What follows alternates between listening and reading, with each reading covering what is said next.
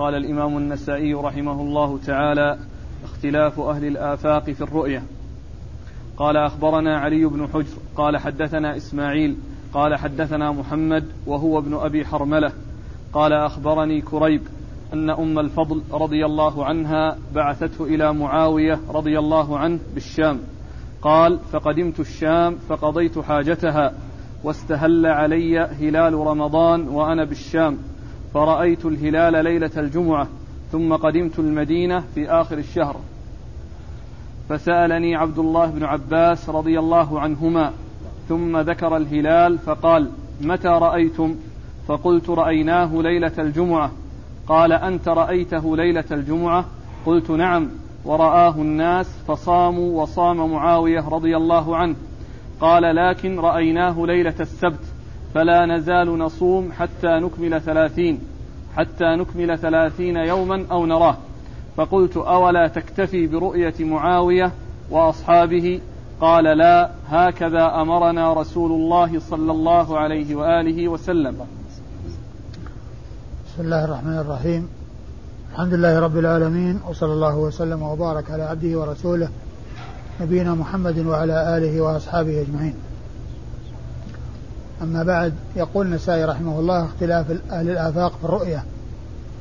اختلاف أهل الآفاق في الرؤية أي في رؤية الهلال.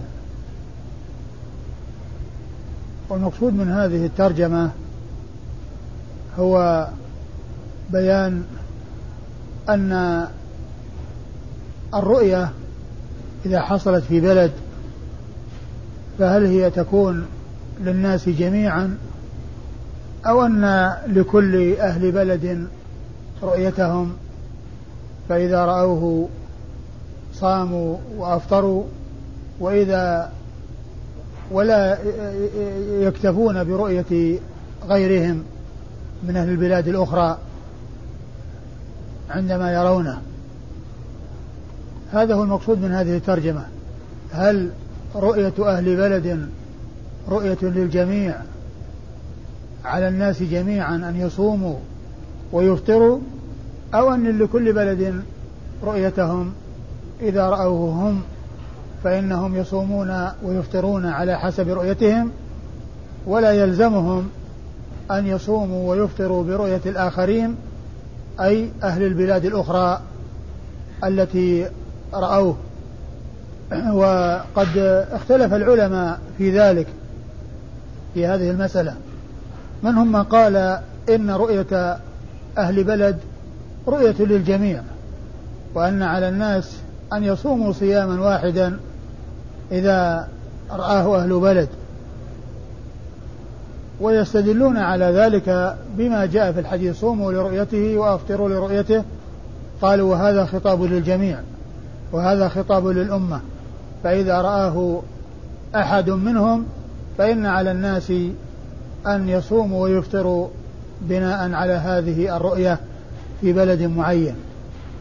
ومن العلماء من قال إن لكل أهل بلد رؤيتهم وأنه لا يكتفي أو لا يلزمهم أن يكتفوا برؤية غيرهم بل لكل بلد رؤيتهم. فإذا رأوه هم صاموا وأفطروا وإذا كان قد رآه غيرهم ولم يروه هم فإنه لا يلزمهم ولا يتعين عليهم لأن لكل بلد لأن لأن لكل أهل كل بلد رؤيتهم. وقد أورد النسائي حديث ابن عباس رضي الله تعالى عنهما والدليل الذي عول عليه أهل هذا القول هو حديث ابن عباس الذي معنا وهو أن كريب مولى ابن عباس أرسلته أم الفضل أم ابن عباس. أم الفضل هي آه، لبابة بنت الحارث الهلالية أخت ميمونة بنت الحارث الهلالية أم المؤمنين. وهي أم الفضل بن العباس وإخوانه عبد الله بن عباس وغيرهم فهي أمهم. فهي أرسلت كريب مولى ابن عباس إلى الشام في حاجة. فذهب وقضى حاجتها ودخل هلال ودخل عليهم شهر رمضان ليلة الجمعة ورأوه ليلة الجمعة. فصام فصام الناس وصام معهم كريب. ولما كان في آخر الشهر آخر شهر رمضان رجع إلى المدينة. فسأله ابن عباس متى رأوا الهلال؟ قال رأيناه ليلة الجمعة. رأيناه ليلة الجمعة. فقال ابن عباس أما نحن فرأيناه ليلة السبت فلا نزال نصوم نصوم حتى نكمل ثلاثين من يوم السبت أو نراه. نصوم ثلاثين من يوم السبت أو نراه لأنهم رأوه ليلة السبت دخول رمضان. فيكون السبت تسع وعشرين وليلة الأحد تصير ثلاثين. فإن رأوه ليلة الأحد وإلا فإنهم يكملون ثلاثين يوما بتمام يوم الأحد. قيل قال له ألا تكتفي برؤية معاوية وأهل الشام وأصحابه؟ قال لا هكذا أمرنا رسول الله صلى الله عليه وسلم. هكذا أمرنا رسول الله عليه الصلاة والسلام. لكن لم يأتي نص عن ابن عباس رضي الله تعالى عنه يفيد بأنه لا يكتفي أهل بلد برؤية أهل بلد ولكن الذي جاء عن النبي عليه الصلاة والسلام صوموا لرؤيته وأفطروا لرؤيته. فبعض العلماء حمله على أنه خطاب للأمة جميعا وبعضهم حمله على أنه خطاب لأهل كل قطر وعلى هذا قالوا وعلى هذا فهم ابن عباس رضي الله عنه من هذا الحديث أن المقصود أن لكل أهل بلد رؤيتهم أن لكل أهل بلد رؤيتهم أي أنه آه، لا يكتفون برؤية غيرهم وإنما يعولون على رؤيتهم هم أو يكملون ثلاثين يوما. فقوله هكذا أمرنا رسول الله عليه الصلاة والسلام قالوا إن أنه ليس هناك نص يقول أنه لا يك لا يك لا تكفي آه لا آه, آه، لا تكون رؤية بلد رؤية للبلد الآخر وإنما الأمر كله يرجع إلى الاختلاف في في فهم قوله عليه الصلاة والسلام صوموا لرؤيته وأفطروا لرؤيته. فمنهم من فهمه بأنه خطاب للأمة ومنهم من فهمه بأنه خطاب لأهل كل قطر وأهل كل جهة فإنهم يصومون برؤيتهم ويفطرون برؤيتهم. والذي جاء في حديث ابن عباس ليس نصا صريحا في أنهم لا يكتفون ولو كان ثبت في ذلك نص عن رسول الله صلى الله عليه وسلم لكان التعويل عليه. لكنه حيث لم يثبت نص فإن الذي يظهر أن قول صوموا لرؤيته وأفطروا لرؤيته أنه خطاب للأمة جميعا. وعلى هذا فإذا فإن فإن فإن رؤية أهل بلد رؤية للجميع وعلى الجميع أن يصوموا برؤية أهل البلد. لكن إذا كان آه، أهل البلد الذين لم يروا الهلال أفتاهم علماؤهم بأنهم يتابعون ذلك البلد أو لا يتابعونه فإن على أهل البلد أن يكونوا متفقين ولا يكونون مختلفين بأن يصوم أحد ويفطر أحد بل إذا كان علماء البلد أفتوا بأنهم يصومون تبعا لغيرهم فإن على الناس أن يتابعوهم وإذا أفتوا بأنهم يتقيدون برؤيتهم هم ولا يكتفون برؤية غيرهم فإن على أهل البلد أن يتابعوهم ولا ينبغي الاختلاف في البلد الواحد بأن يكون أحد يصوم وأحد يفطر بل يكون الصوم والإفطار إنما هو للجميع سواء كانوا متابعين لغيرهم ممن رآه أو آه، بانين على رؤيتهم هم. و وإسناد الحديث؟ قال أخبرنا علي بن حجر. أخبرنا علي بن حجر ابن إياس السعدي المروزي وهو ثقة حافظ أخرج حديثه البخاري ومسلم والترمذي والنسائي. قال عن إسماعيل نعم. وإسماعيل هو بن جعفر. إسماعيل بن جعفر ثقة أخرج حديثه أصحاب الكتب الستة. قال, قال حدثنا محمد وهو ابن أبي حرملة. قال حدثنا محمد وهو ابن أبي حرملة وهو ثقة أخرج حديثه. البخاري ومسلم وأبو داود والترمذي والنسائي. أخرج حديثه أصحاب الكتب الستة إلا ابن ماجه. أخرج حديثه أصحاب الكتب الستة إلا ابن ماجه. وكلمة هو ابن أبي حرملة هذه آه زادها من دون تلميذه. ومن آه تحت تلم... نعم. تلميذه إسماعيل. نعم من دون إسماعيل. من دون إسماعيل وهو علي بن حجر أو النسائي أو من دون النسائي. وعلي بن حجر أو النسائي أو من دون النسائي. أما إسماعيل بن جعفر فإنه لا يحتاج إلى أن يقول هو ابن أبي حرملة بل ينسبه كما يريد. أيوه. قال أخبرني كريب. قال أخبرني كريب وهو ابن أبي مسلم مولى ابن عباس وهو ثقة أخرج حديثه أصحاب الكتب الستة. عن عبد الله بن عباس رضي الله تعالى عنهما وهو ابن عم رسول الله صلى الله عليه وسلم وأحد العبادلة الأربعة من أصحابه الكرام وأحد السبعة المعروفين بكثرة الحديث عن النبي عليه الصلاة والسلام. وأما أم الفضل الهلالية فإنها ليست لها رواية في هذا الحديث وإنما جاء ذكرها لأنها هي التي أرسلت كريبا إلى الشام وأنه ذهب لحاجتها واستهل عليهم شهر رمضان في, في يوم الجمعة. فهي ليست من رواة الحديث. ليست لها رواية في هذا الحديث. وإنما جاء لها ذكر في كونها هي التي أرسلته وهي وذهابه إلى الشام لقضاء حاجتها. أما الرواية فهي عن كريب عن ابن عباس. بين كريب وابن عباس. وأما أم الفضل فليس لها رواية في هذا الحديث. نعم. قال باب قبول شهادة الرجل الواحد على هلال شهر رمضان وذكر الاختلاف فيه على سفيان في في حديث سماك. قال أخبرنا محمد بن عبد العزيز بن أبي رزمة.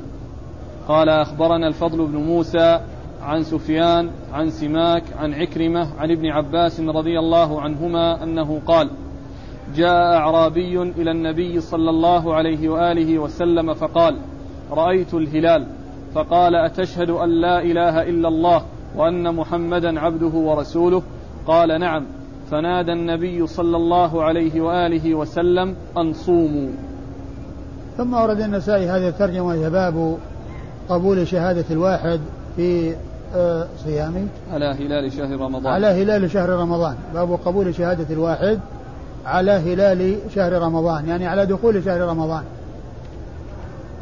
آه مقصود النسائي من هذه الترجمة هو آه التعويل على شهادة الواحد في دخول شهر رمضان. التعويل على قبول شهادة الواحد في دخول شهر رمضان. هذا هو المقصود من هذه الترجمة. وقد أورد النسائي فيها حديث ابن عباس. حديث ابن عباس رضي الله تعالى عنهما أن أعرابيا جاء إلى النبي صلى الله عليه وسلم وقال إنه رأى هلال رمضان. فقال تشهد أن لا إله إلا الله وأن محمد رسول الله؟ قال نعم. فأمر بأن ينادى في الناس بأن يصوموا. بأن ينادى في الناس بأن يصوموا. أي أنه ثبت دخول الشهر بشهادة هذا الرجل المسلم الذي تحقق من إسلامه بكونه يشهد أن لا إله إلا الله وأن محمد رسول الله صلى الله, صلى الله عليه وسلم. وقد اختلف العلماء في هذه المسألة.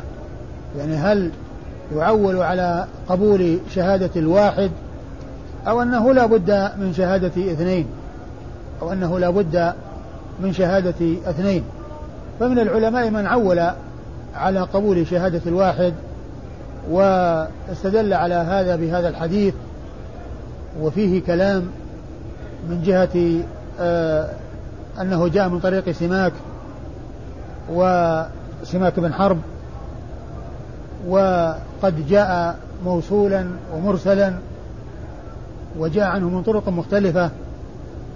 وقد قال الحافظ بن حجر أن روايته عن عكرمة مضطربة روايته عن عكرمة خاصة.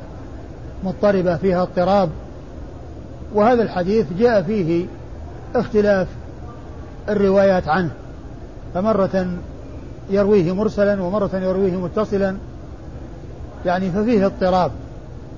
وجاء أيضا عن ابن عمر رضي الله تعالى عنه أنه قال ترى ترى الناس الهلال فرأيته فأخبرت النبي صلى الله عليه وسلم فأمر الناس بأن يصوموا وبعض العلماء أخذ اعتبر شهادة الواحد في دخول شهر رمضان. ومنهم من قال إنه لا بد فيه من اثنين. لا بد فيه من شهادة اثنين. ويستدل على ذلك بالحديث الذي سيأتي وهو أن أنه إذا شهد شاهدان فصوموا وأفطروا وامسكوا أي أنه يعول على شهادة شهادة اثنين.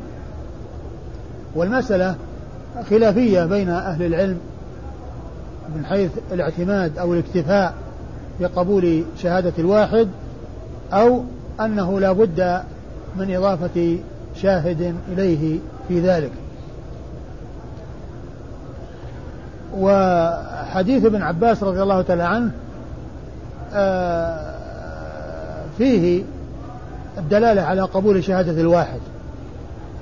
وأنه أيضا لو كان يعني آه، يعني غير معروف لأن النبي صلى الله عليه وسلم اكتفى بأن آه، سأله أيشهد أن لا إله إلا الله وأن محمد رسول الله للتحقق من إسلامه وأنه من المسلمين فقال نعم. فقال أشهد أن لا إله إلا الله وأن محمد رسول الله. فالنبي صلى الله عليه وسلم أذن أو أمر أحدا أو من ينادي في الناس بأن يصوموا أي بناء على هذه الرؤية. قال أخبرنا محمد بن عبد العزيز بن أبي رزمة. أخبرنا محمد بن عبد العزيز بن أبي رزمة وهو ثقة. نعم. أخرج له. البخاري وأصحاب والأصحاب الأربعة. نعم. أخرج له البخاري وأصحاب السنن. محمد بن عبد العزيز بن أبي رزمة ثقة أخرج حديثه البخاري وأصحاب السنن الأربعة. لم يخرج له مسلم. عن الفضل بن موسى. عن الفضل بن موسى المروزي. وذاك أيضا مروزي الذي مر وهو ثقة أخرج له أصحاب الكتب. نعم. أخرج له أصحاب الكتب الستة. الفضل بن موسى المروزي ثقة أخرج له أصحاب الكتب الستة. عن سفيان. عن سفيان وهو بن وهو الثوري. سفيان بن سعيد بن مسروق الثوري ثقة ثبت حجة إمام آه فقيه. وصف بأنه أمير المؤمنين في الحديث. وحديثه أخرجه أصحاب الكتب الستة. عن سماك وهو بن حرب. سماك بن حرب وهو صدوق آه آه في حديثه أو في روايته عن عكرمة اضطراب. وهذا الحديث من روايته عن عكرمة. وهذا الحديث الذي معنا من روايته عن عكرمة. ولهذا أعله بعض أهل العلم آه، بهذه العلة التي هي الاضطراب لا سيما وأنه قد جاء عن عكرمة من طرق متعددة آه، آه، بعضها مرسل وبعضها موصول. عن عن سماك؟ سماك عن عكرمة عن, عن عكرمة. عن عكرمة هو مولى ابن عباس. عكرمة وهو مولى ابن عباس وهو ثقة أخرج حديثه أصحاب الكتب الستة. عن ابن عباس. عن ابن عباس وقد مر ذكره. يسألون عن سماك. سماك بن حرب وش فيه؟ نعم أخرج حديث البخاري تعليقا ومسلم وأصحاب السنة الأربعة سماك بن حرب أخرج حديث البخاري تعليقا ومسلم وأصحاب السنة الأربعة. قول النسائي في الترجمة باب قبول شهادة الرجل هل له مفهوم؟ باب يعني باب يعني كلمة قبول شهادة الرجل الواحد. هل بمعنى أن المرأة إذا شهدت؟ ما يعني لا أدري بالنسبة للنسائي يعني هل هو يعني يوم نص على الرجل يعني يريد أنه آه، المرأة في خلافه أو أنه آه، لأن الحديث جاء في رجل ولأن الغالب في الأحكام أنها تناط بالرجال وتعلق بالرجال. وليس يعني ذكر الرجل يعني يعني أن المرأة بخلافه. فلا أدري يعني آه، مراد النسائي هل يعني يريد أن له مفهوم أو أنه لا مفهوم له والتنصيص على الرجل لأن الذي جاء فيه رجل الذي جاء في الإسناد أو جاء في المتن أو في الحديث هو رجل.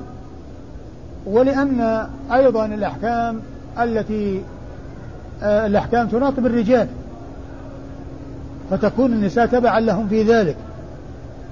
وقد جاء هذا في نصوص كثيرة أنه يأتي ذكر الرجل ولا مفهوم له. ومن ذلك الحديث الذي يقول فيه الرسول صلى الله عليه وسلم صوموا لرؤيته آه، آه، لا تقدموا رمضان بيوم أو يومين. إلا رجلا كان يصوم صوم فليصمه لا تتقدم لا تقدم رمضان بيوم أو يومين إلا رجلا كان يصوم صوم فليصومه. فكذلك المرأة إذا كانت تصوم صوم تصوم. فذكر الرجل لأنه الغالب الخطاب مع الرجال أو الخطاب للرجال والنساء تبعا لهم. فلا أدري النسائي هل يريد بذلك أن له مفهوم حيث ينص على الرجل أو لأن الحديث جاء فيه ذكر الرجل فعبر بالرجل.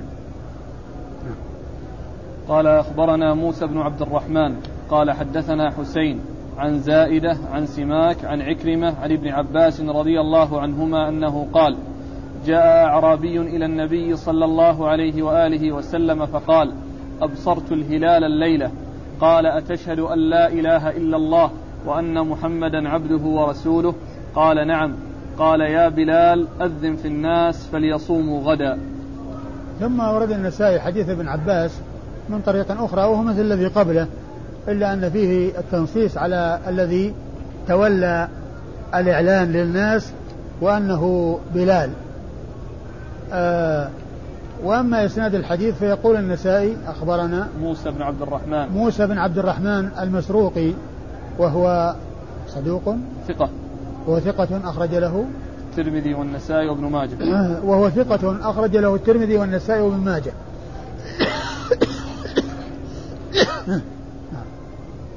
قال حدثنا حسين. قال حدثنا حسين وهو ابن علي الجعفي. حسين ابن علي الجعفي وهو ثقة أخرج له أصحاب الكتب الستة. عن زائدة. عن زائدة بن قدامة البصري وهو ثقة أخرج له أصحاب الكتب الستة أيضا. عن سماك عن عكرمة عن ابن عباس. عن سماك عن عكرمة عن ابن عباس وقد مر ذكرهم. ها؟ ها؟ ما معنى نسبة إلى جد اسمه مسروق. جد من أجداده مسروق. ما أدري يعني. يقال المسروقي نسبة إلى جده مسروق. قال أخبرنا أحمد بن سليمان عن أبي داود عن سفيان عن سماك عن عكرمة مرسل. ثم ورد النسائي الحديث من طريق أخرى وهي مرسلة. ليس فيها ذكر ابن عباس وإنما عن عكرمة عن عكرمة عن النبي صلى الله عليه وسلم. أضاف ذلك إلى النبي صلى الله عليه وسلم وليس فيه ذكر ابن عباس. فهي مرسلة. والمرسل هو الذي يقول فيه التابع قال رسول الله صلى الله عليه وسلم كذا أو يضيف شيء إلى رسول الله عليه الصلاة والسلام. فهذا يقال له مرسل وهذا هو المشهور باصطلاح المحدثين في تعريف المرسل أن يقول التابعي قال رسول الله صلى الله عليه وسلم كذا. ويطلق المرسل أيضا على ما هو عم من ذلك وهي رواية الراوي عمن لم يلقه أو لم يدرك عصره. عمن لم يلقه أو لم يدرك عصره فإنه يقال له مرسل. وكثيرا ما يأتي عن في ذكر التراجم اللي هم متأخرين ليسوا من التابعين. يقال يرسل ويدلس. يرسل ويدلس. يعني يروي عمن لم يدرك عصره. يعني يرسل الرواية إليه فيقول عن فلان أو قال فلان. وهو لم يدرك عصره. فهو من قبيل المرسل.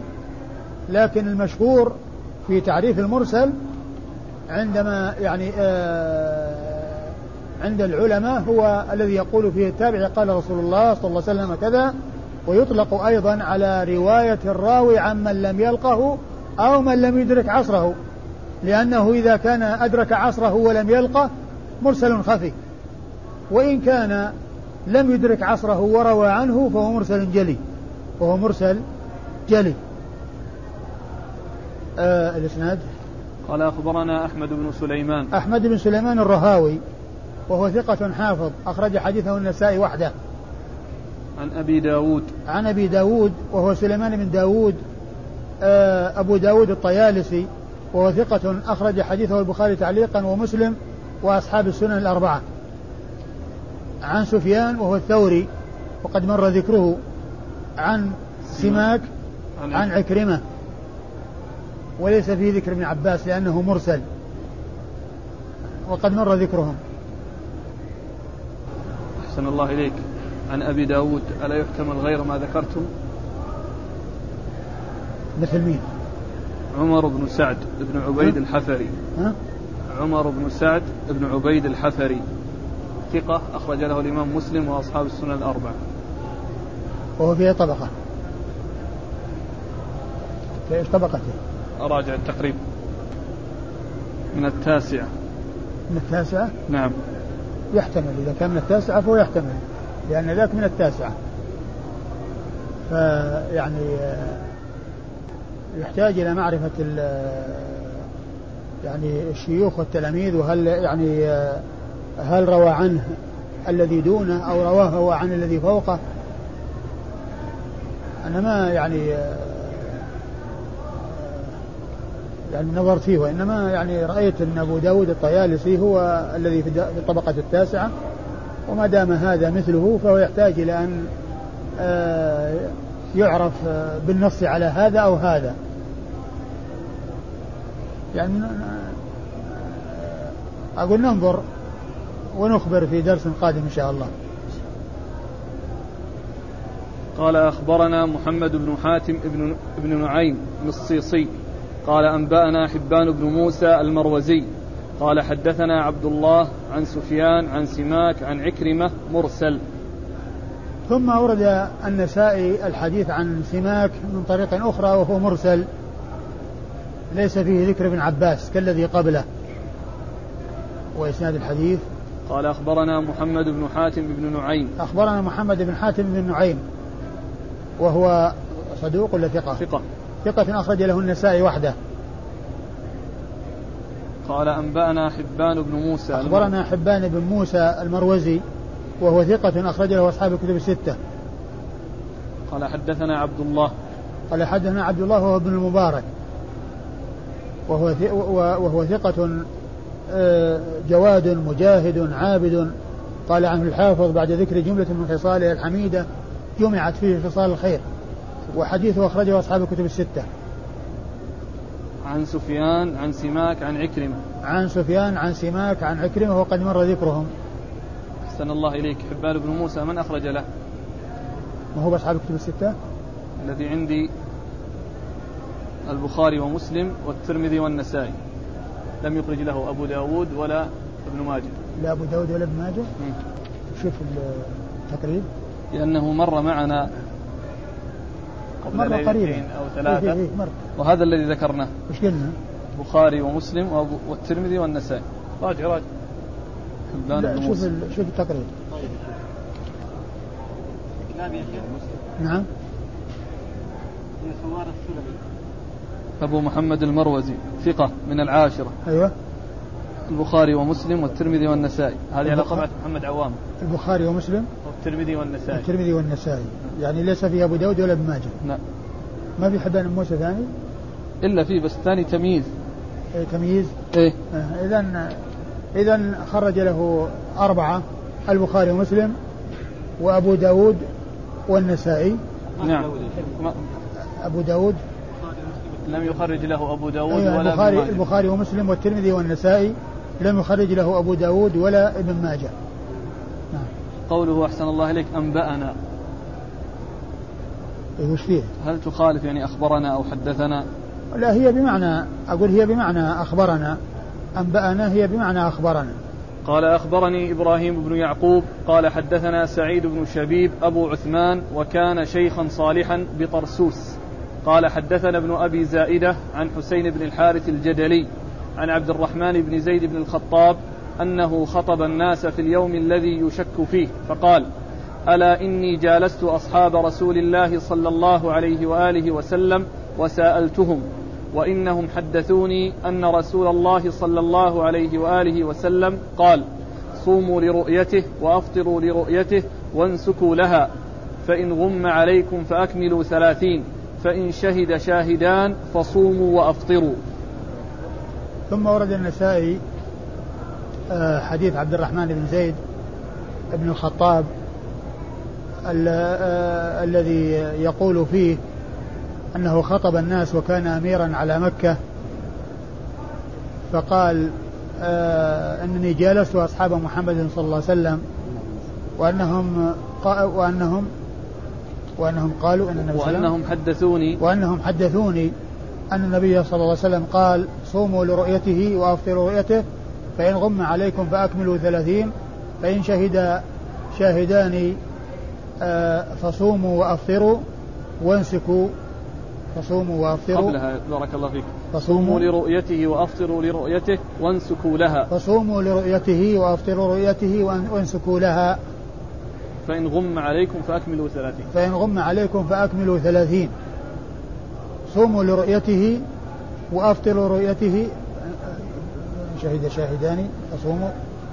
صوموا لرؤيته وأفطروا لرؤيته وانسكوا لها فإن غم عليكم فأكملوا ثلاثين فإن شهد شاهدان فصوموا وأفطروا. نعم. صوموا لرؤيته وأفطروا لرؤيته وانسكوا لها فإن غم عليكم فأكملوا ثلاثين فإن شهد شاهدان فصوموا وأفطروا. فإن شهد شاهدان فصوموا وأفطروا. قوله فإن شهد شاهدان فصوموا وأفطروا. هذا هو الذي استدل به من قال إن الصيام يكون بشهادة شاهدين والإفطار يكون بشهادة شاهدين. وكذلك أيضا الحديث فيه أيضا ذكر النسك وهو ذبح الذبائح والمراد به الأضاحي أي دخول شهر الحجة شهر الحجة وأنه يعول على أو يعول على الرؤية في الصيام والإفطار والحج حيث آه، يعول على دخول شهر ذي الحجة فيصوم فينسك الناس ويحج الناس بناء على الرؤية. والله عز وجل لما وقت المواقيت للناس فيما يتعلق بالصلاة وفيما يتعلق بالصيام جعلها في أمور طبيعية أمور طبيعية يشاهدها الناس ويعاينونها لا بالنسبة لأوقات الصلوات ولا بالنسبة للصيام والإفطار. فالصيام والإفطار مبني على الرؤية على رؤية الهلال في السماء وليس مبنيا على حساب أو على ظن وتخمين. وإنما هو مبني على الرؤية أو إكمال العدة لأن الشهر لا يزيد على ثلاثين ولا ينقص عن تسعة وعشرين. الشهر العربي لا يزيد عن ثلاثين يوما ولا ينقص عن تسعة وعشرين يوما.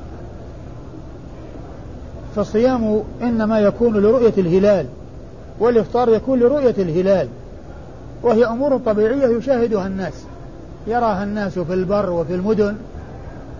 وكذلك أوقات الصلوات هي مبنية على أيضا أمور طبيعية مشاهدة معاينة إذا طلع الفجر دخل وقت الفجر وإذا طلع الشمس انتهى وقت الفجر وإذا حصل الزوال دخل وقت الظهر وإذا صار ظل الشيء مثله دخل وقت العصر وإذا صار يعني مثليه آه انتهى وقت العصر وإذا غربت الشمس دخل وقت المغرب وإذا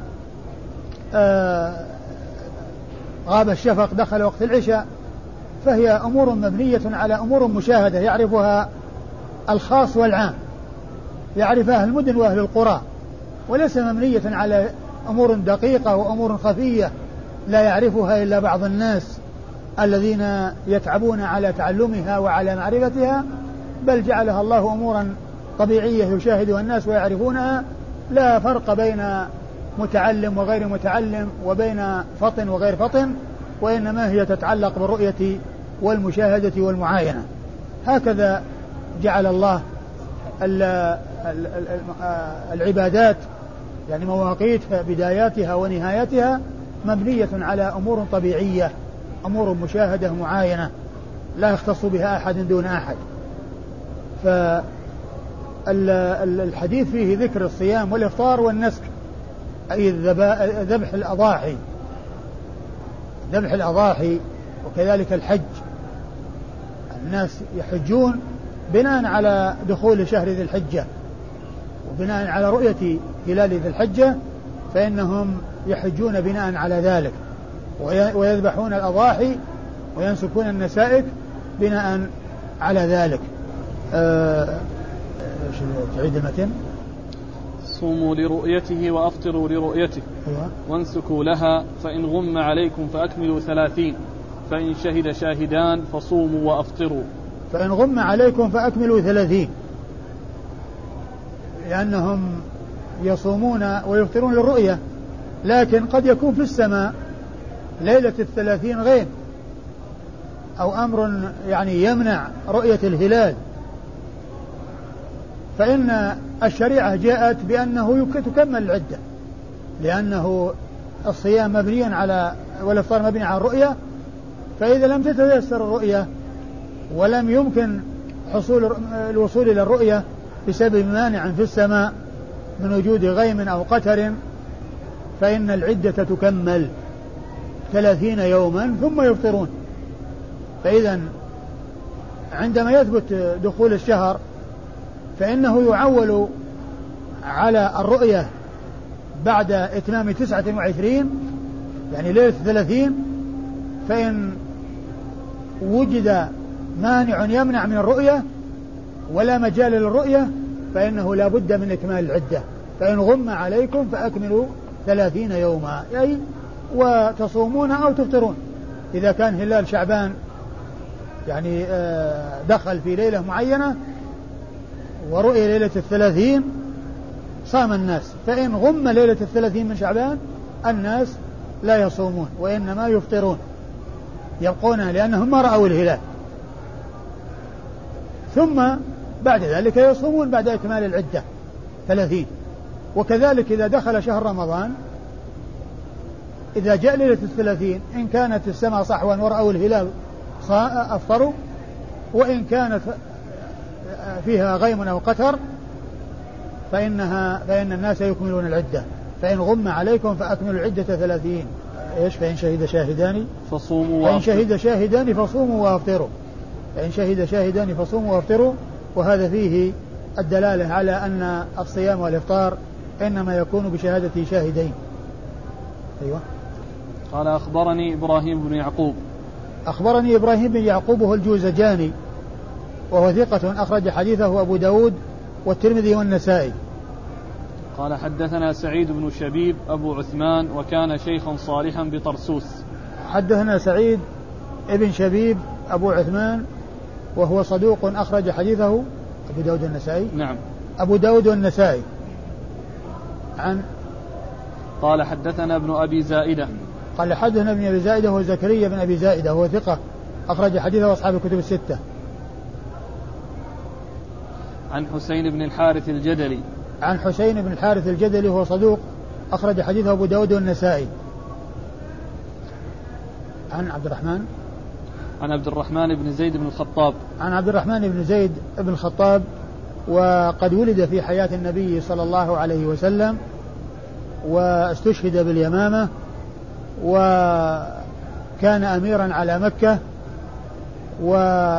وقال إنه جالس أصحاب محمد عليه الصلاة والسلام لقيهم وجالسهم وحدثوه وكان مما حدثوه به أن الرسول صلى الله عليه وسلم قال صوموا لرؤيته وأفطروا رؤيته وانسكوا لها فإن غم عليكم فأكملوا العدة ثلاثين فإن شهد شاهدان فصوموا وأفطروا.